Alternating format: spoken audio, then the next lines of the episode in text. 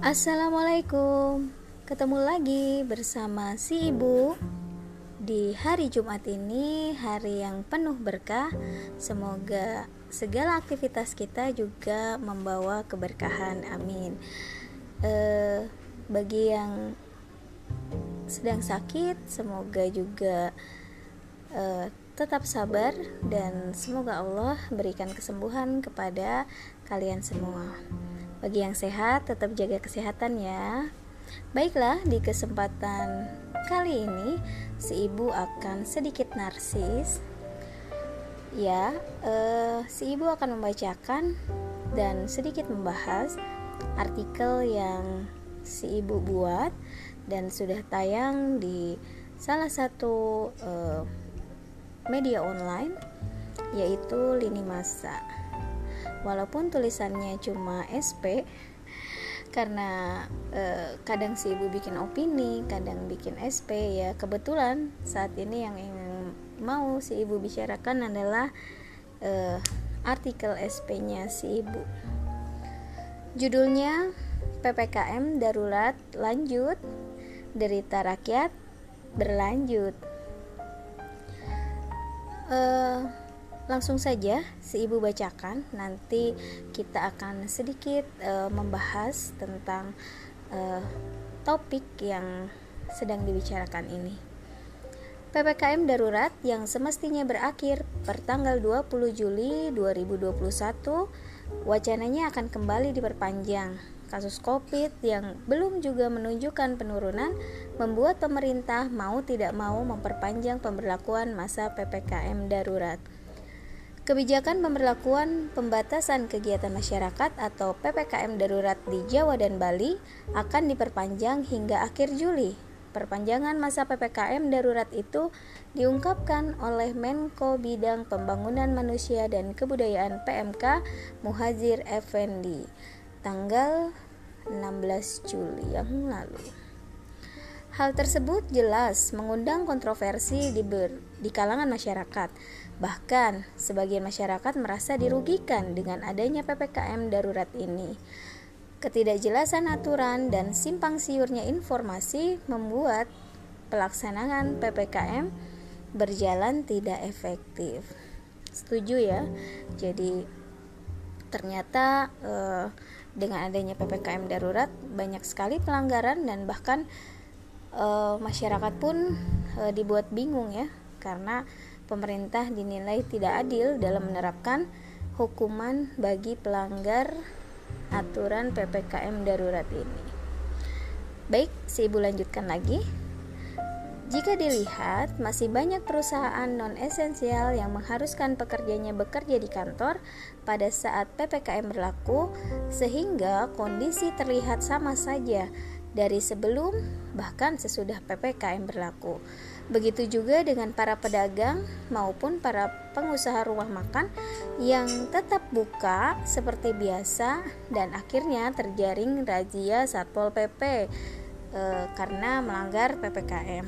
Mereka berdalih bahwa tidak ada sosialisasi dari pemerintah yang dilakukan mengenai aturan PPKM ini ya mungkin di sini miscommunication ya.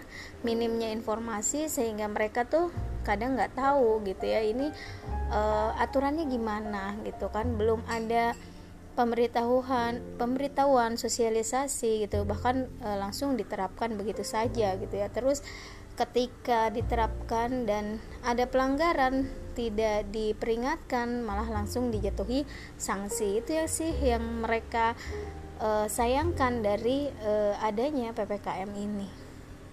Lanjut, pandemi COVID ini sudah berjalan satu tahun lebih. Semestinya penanganan pandemi jauh lebih baik dari sebelumnya. Sejak awal pandemi, para ahli sudah memprediksi atas kemungkinan uh, yang terjadi selama pandemi, bahkan kemungkinan terburuk sekalipun. Lonjakan kasus yang kini sedang terjadi pun pernah dibahas oleh para ahli. Namun pemerintah sepertinya tidak bersiap, cenderung lengah ketika kasus mulai menurun kembali. Pintu pariwisata dibuka, baik domestik maupun mancanegara.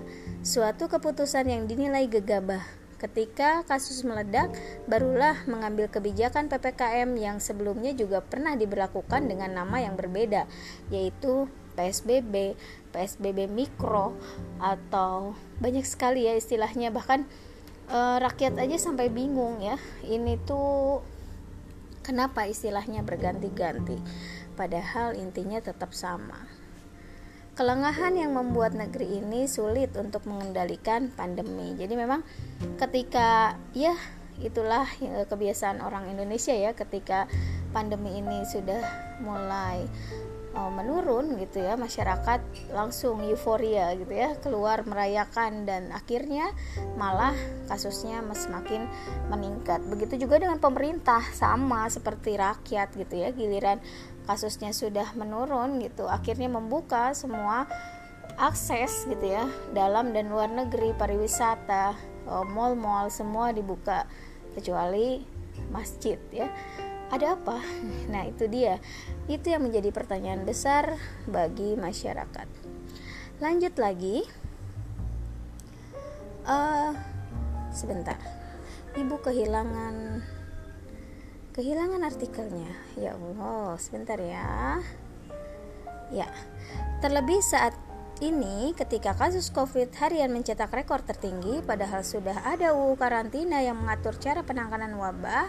Namun pemerintah sejak awal pandemi sepertinya enggan untuk menggunakan UU karantina ini.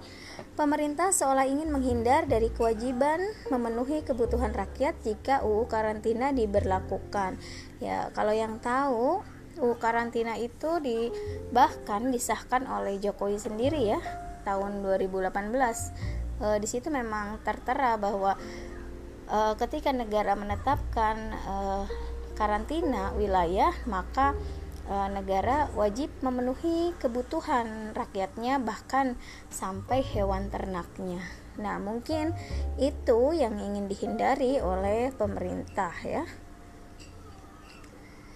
E, mereka dipaksa berjuang jadi kondisi masyarakat semakin terhimpit, mereka dipaksa berjuang lebih keras lagi untuk bisa bertahan di masa pandemi, berjuang melawan Covid juga berjuang memenuhi kebutuhan hidup yang terasa kian berat.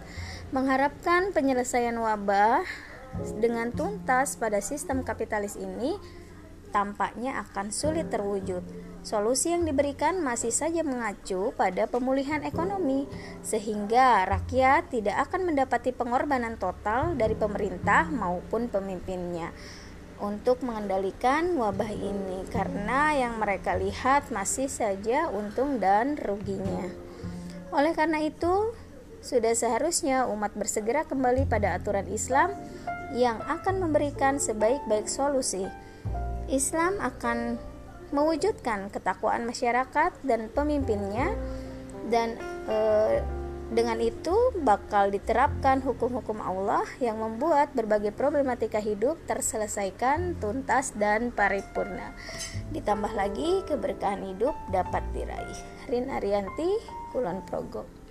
Ya, itu saja uh, bahasan untuk kesempatan hari ini tentang PPKM yang terus berlanjut. Jadi sekarang udah sampai PPKM level 4 ya yang rencananya kalau di Jogja itu sampai tanggal 2 Agustus gitu ya. Semoga memang eh, dengan adanya upaya ini kasus Covid juga bisa Eh, menurun ya karena itu adalah harapan dari uh, semua masyarakat agar masyarakat juga bisa beraktivitas dengan normal mencari nafkah uh, tentunya yang paling utama juga uh, apa jadi perekonomian yang se selama ini dikeluhkan oleh masyarakat. Semoga nanti bisa pulih kembali dengan uh, seiring uh, penurunan kasus COVID yang uh, mudah-mudahan gitu ya itu yang terjadi. Baiklah, uh, cukup di sini saja untuk kesempatan kali ini. Semoga ada manfaat yang bisa dipetik dari apa yang disampaikan dan semoga itu juga bisa memberikan pandangan kepada kita tentang kondisi uh, um, apa ya kondisi Indonesia saat ini. Oke, okay, uh, eh, bertemu lagi di next episode. Selalu tungguin karena bakal menarik dan bikin penasaran. Keep healthy and always happy. Wassalamualaikum.